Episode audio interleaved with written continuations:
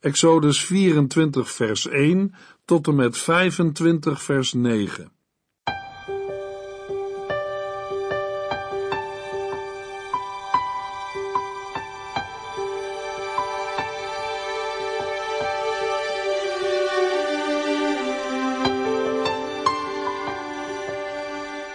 Hartelijk welkom bij De Bijbel Door, een programma van Transworld Radio.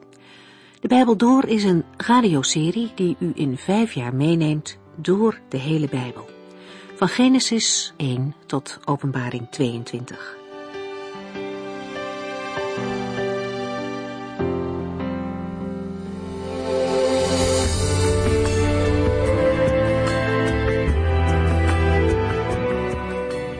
We zijn vandaag toe aan Exodus 24.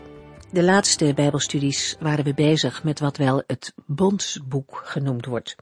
Dat bestaat uit enkele hoofdstukken waarin de tien geboden verder uitgewerkt worden. Daar staan maatregelen in wat er in bepaalde gevallen moet gebeuren. De bron van deze wetten is de schepper zelf. Hij heeft bekendgemaakt wat goed en wat kwaad is. Dat is de absolute norm. Niet een mens kan bepalen wat de norm voor goed en kwaad is. En veel van onze hedendaagse wetten zijn ook gebaseerd op de wetten die God gegeven heeft. Gods bedoeling is dat het goed zal gaan met de mensen. En zijn leefregels zijn een middel om dat te bereiken. Ze zijn bedoeld om mensen op een vreedzame manier met elkaar te laten samenleven. De vorige keer hebben we een aantal regels besproken die te maken hadden met diefstal of het beschadigen van iemands bezit. In verschillende voorbeelden geeft de wet aan hoe er dan gehandeld moet worden. Opvallend is ook hier weer dat het volk Israël in dagelijkse verbondenheid met de Heere leeft. De rechtspraak gaat ook niet buiten God om. In onduidelijke situaties waarin mensen niet meer kunnen achterhalen hoe het precies in zijn werk gegaan is, moest de verdachte een eed afleggen. De gedachte die hierachter zit, is dat voor de ogen van God niets verborgen blijft en dat Hij het recht zal laten zegevieren. In de geboden die de Heere geeft, is ruim aandacht voor kwetsbare groepen in de samenleving. Gods volk heeft de plicht om naar iedereen en in het bijzonder naar de zwakke mensen om te zien. Er staat bij dat wanneer mensen daar nalatig in zijn, de Heerde zelf naar het hulpgeroep van de zwakken zal horen, omdat Hij genadig is. Maar allereerst is het de bedoeling dat mensen zijn voorbeeld navolgen en genadig zijn voor de zwakken onder ons. Verder zijn er, behalve geboden over moeilijke situaties, ook voorschriften om rust te nemen en feest met de Heer te vieren. Ook dat maakt gelukkig deel uit van het leven met de Heere God.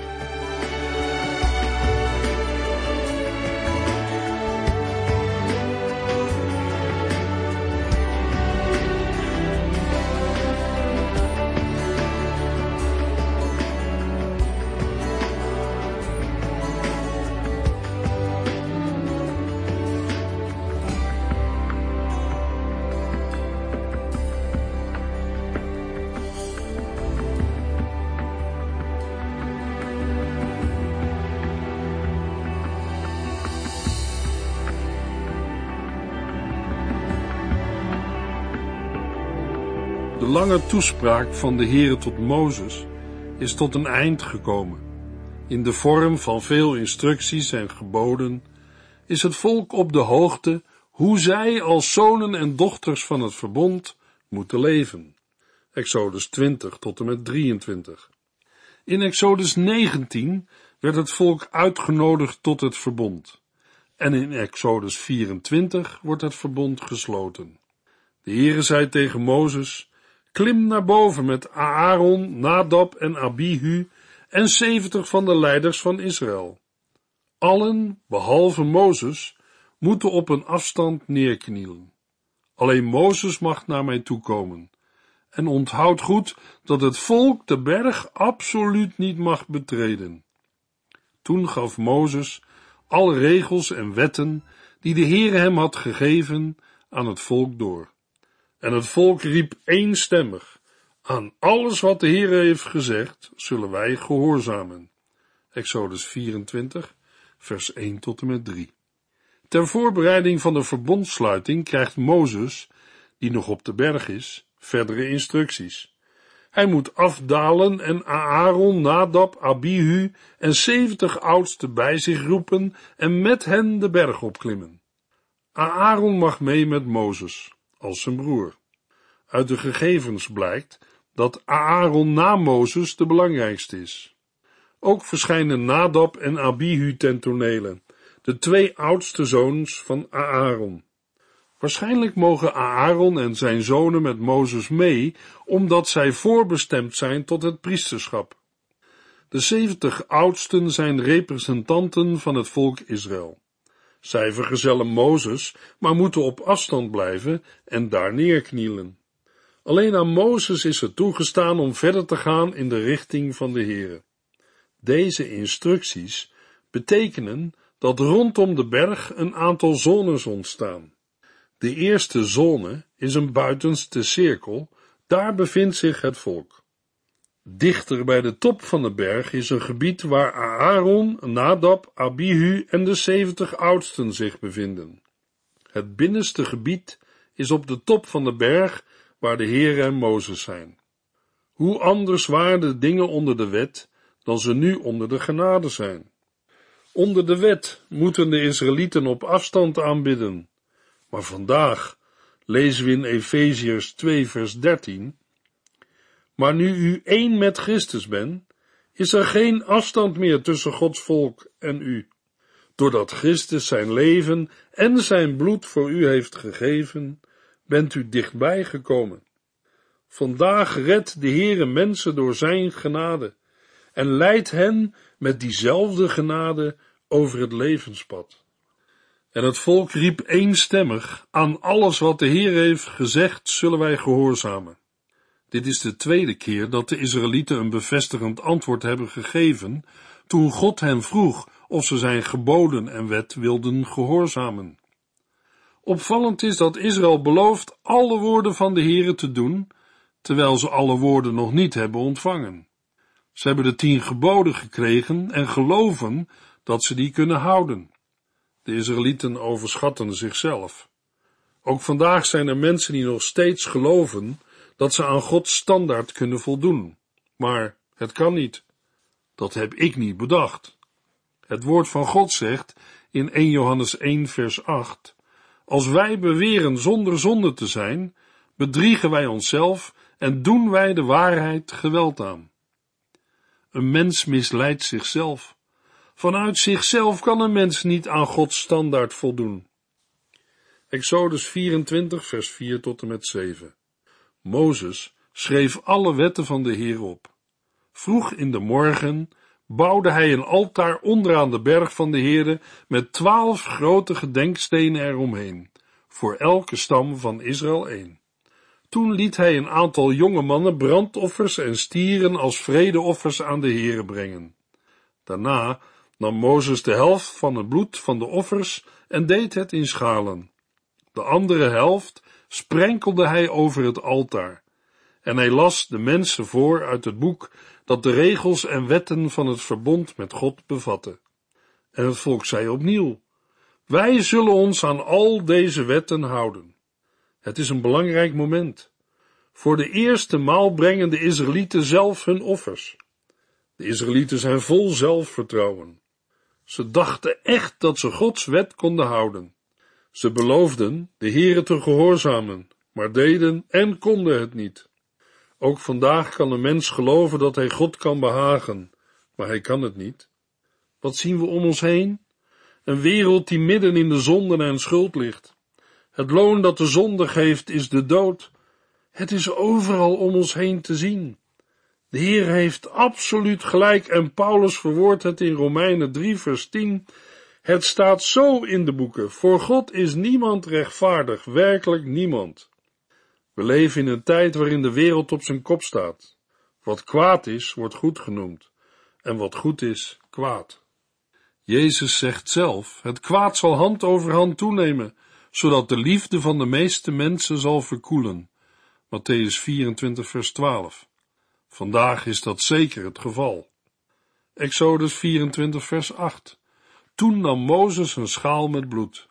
sprenkelde het over het volk en zei, dit bloed bevestigt het verbond dat de Heere met u heeft gesloten door deze regels en wetten te geven. Mozes voltooit de verbintenis door bloed te sprenkelen op het volk. In de christelijke gemeente is deze tekst betrokken op het avondmaal.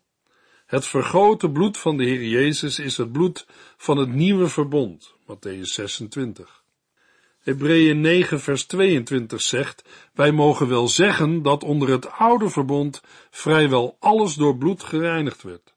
Als er geen bloed vloeit, worden de zonden niet vergeven. De Heere zal dit vele malen herhalen.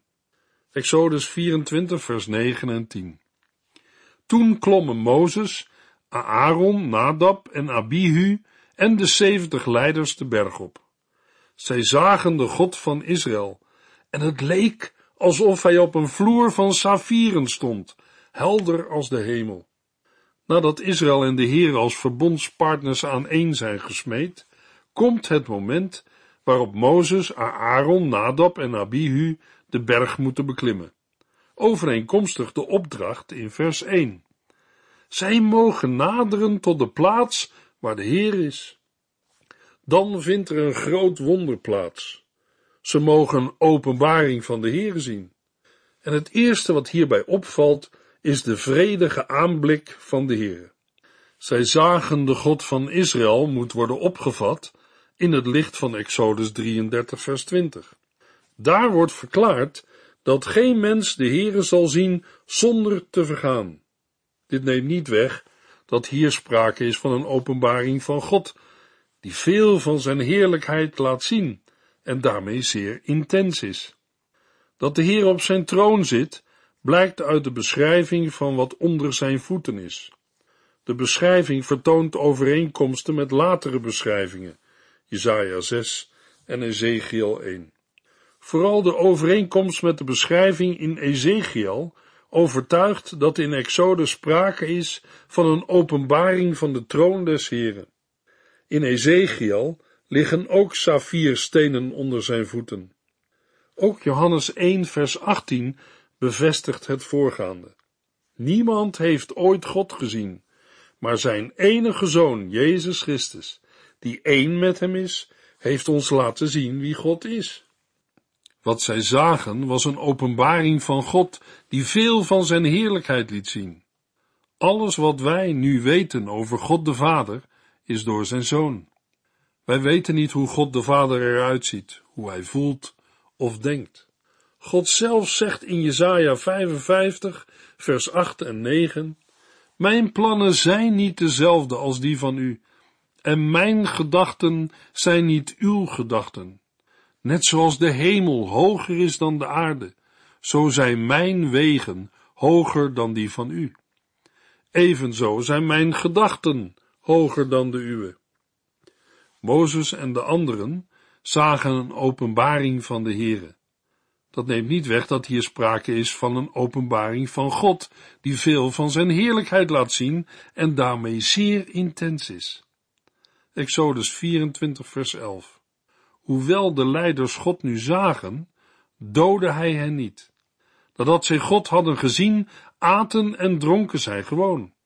Er was niets met hen gebeurd. Dit laatste was op zich al een wonder. Later vraagt Mozes om de Heere te mogen zien. Alles wat hij gezien had, was een openbaring van de Heere. Het zien van God was ook de vraag van Filippus in Johannes 14, vers 8 en 9. Maar Filippus zei, Heere, laat ons de Vader zien, meer verlangen wij niet. Nu ben ik al zo lang bij jullie, Filippus. Ken je mij nu nog niet? Wie mij gezien heeft, heeft immers de Vader gezien.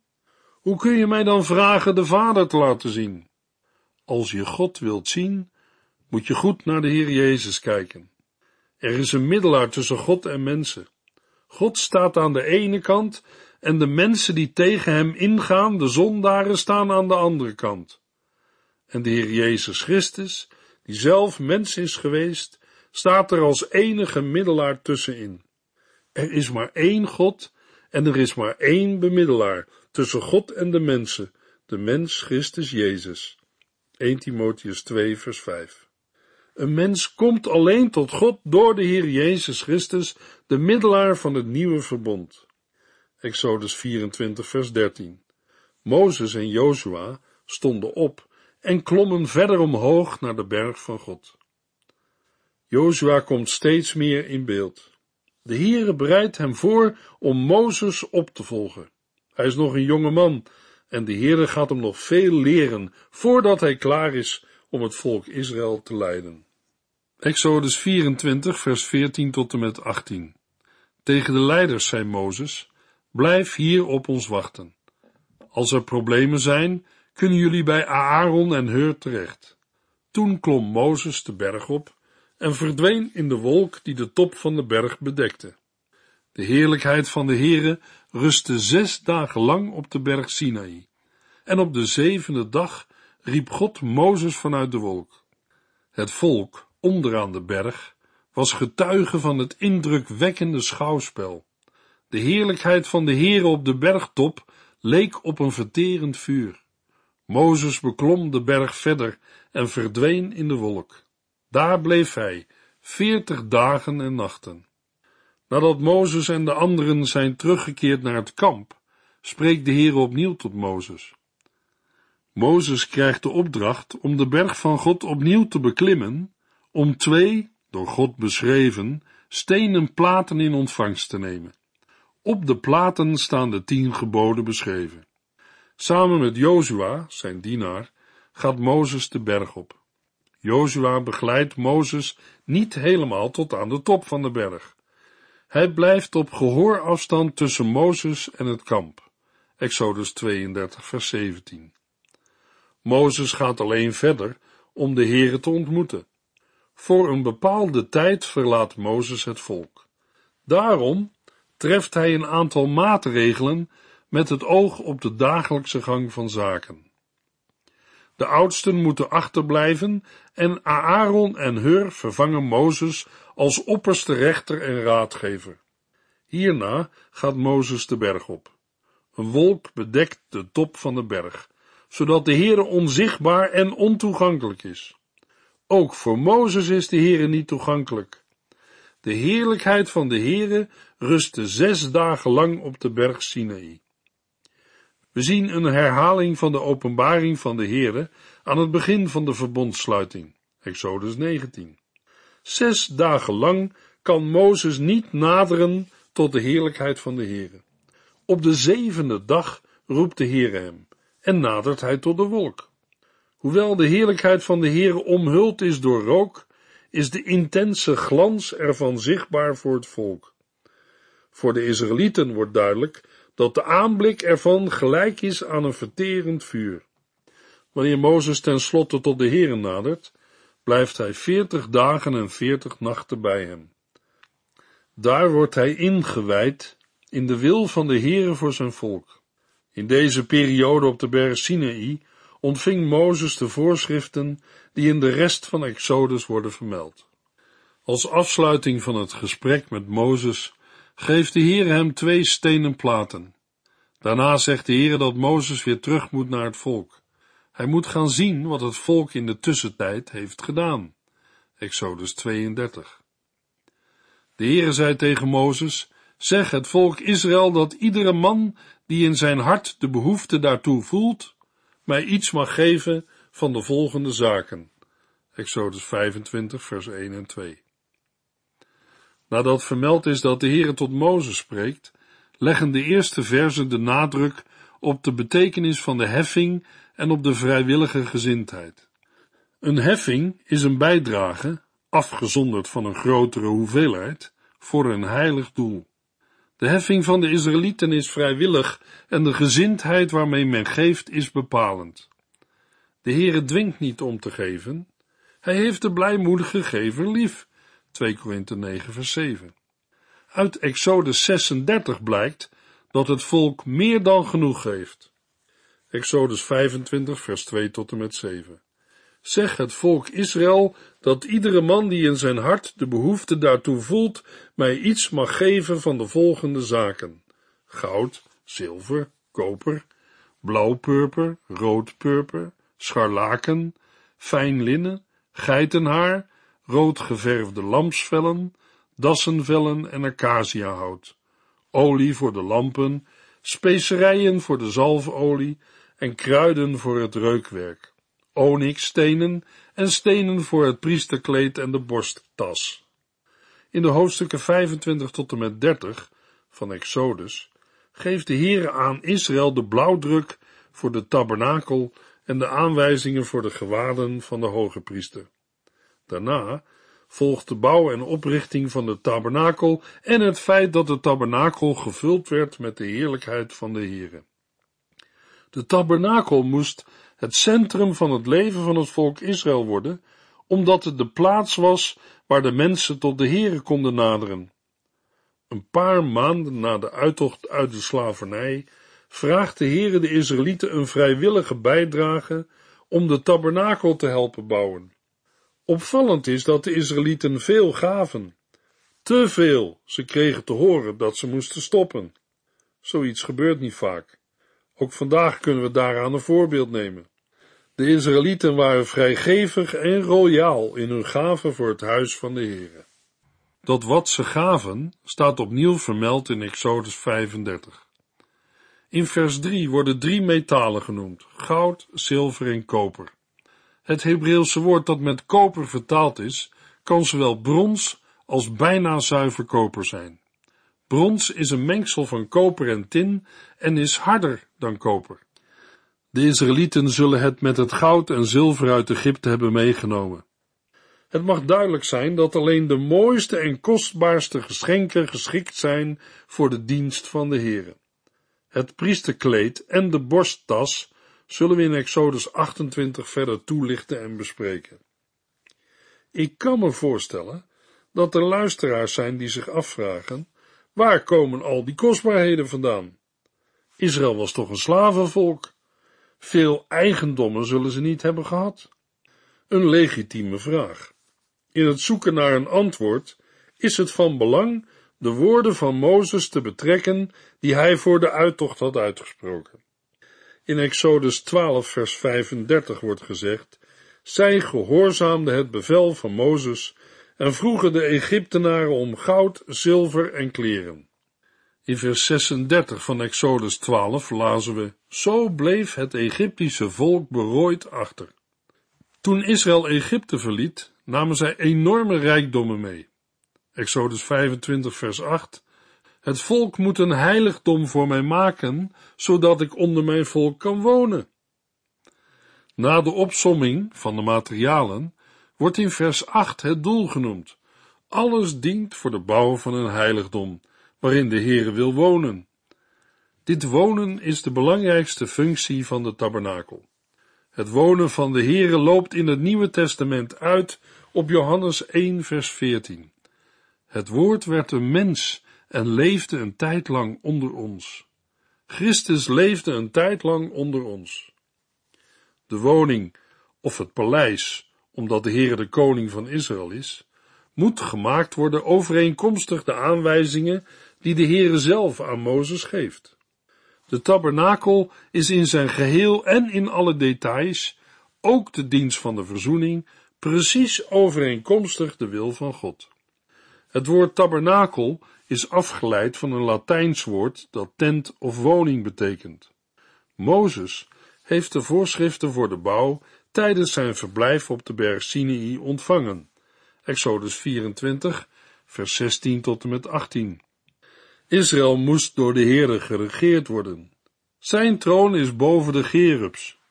De Heere wil wonen te midden van zijn volk. Maar is het wel mogelijk dat de Heere woont in een door mensenhanden gemaakt gebouw? Ook Salomo stelt die vraag bij de inwijding van de tempel. Is het echt wel mogelijk dat u op aarde zou willen wonen? Zelfs de hoogste hemelen kunnen u niet bevatten. Laat staan deze tempel die ik heb gebouwd. 1 Koningen 8 vers 27.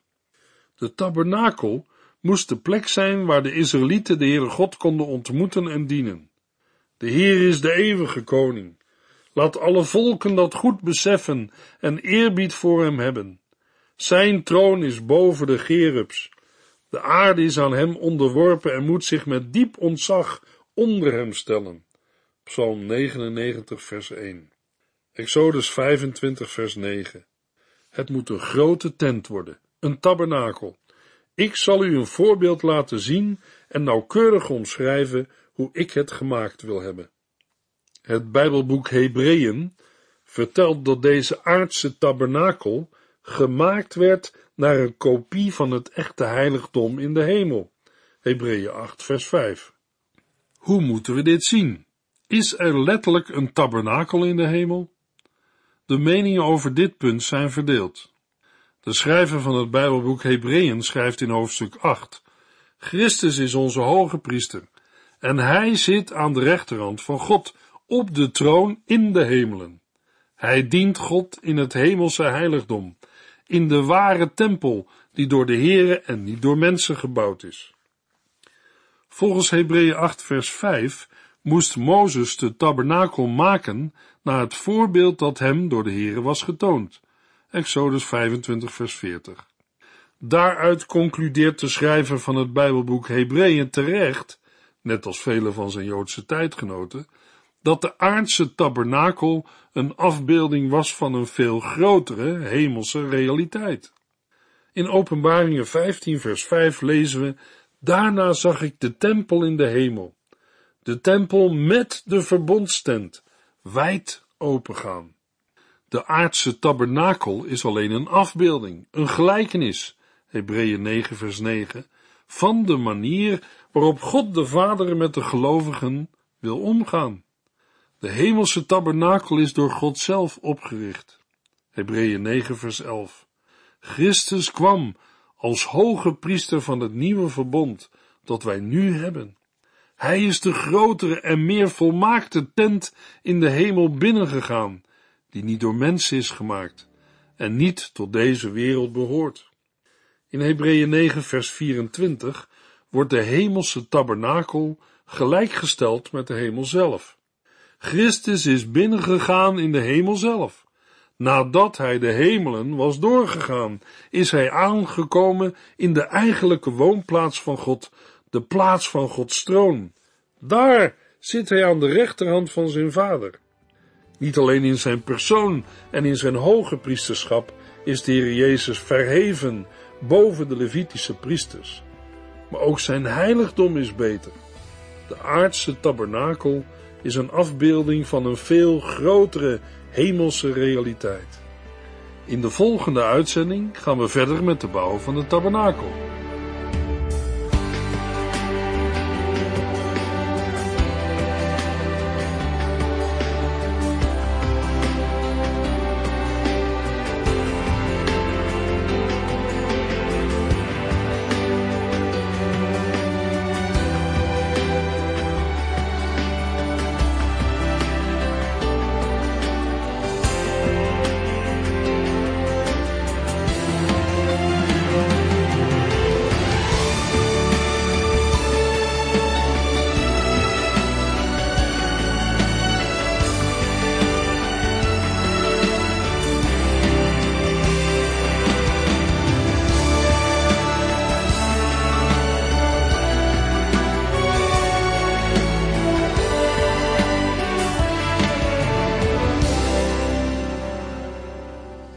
Geluisterd naar De Bijbel Door. In het Nederlands vertaald en bewerkt door Transworld Radio. Een programma waarin we in vijf jaar tijd de hele Bijbel doorgaan. Als u wilt reageren op deze uitzending of u heeft vragen, dan kunt u contact met ons opnemen. Tijdens kantooruren kunt u bellen op 0342 47 8432. 0342 47 8432. 32.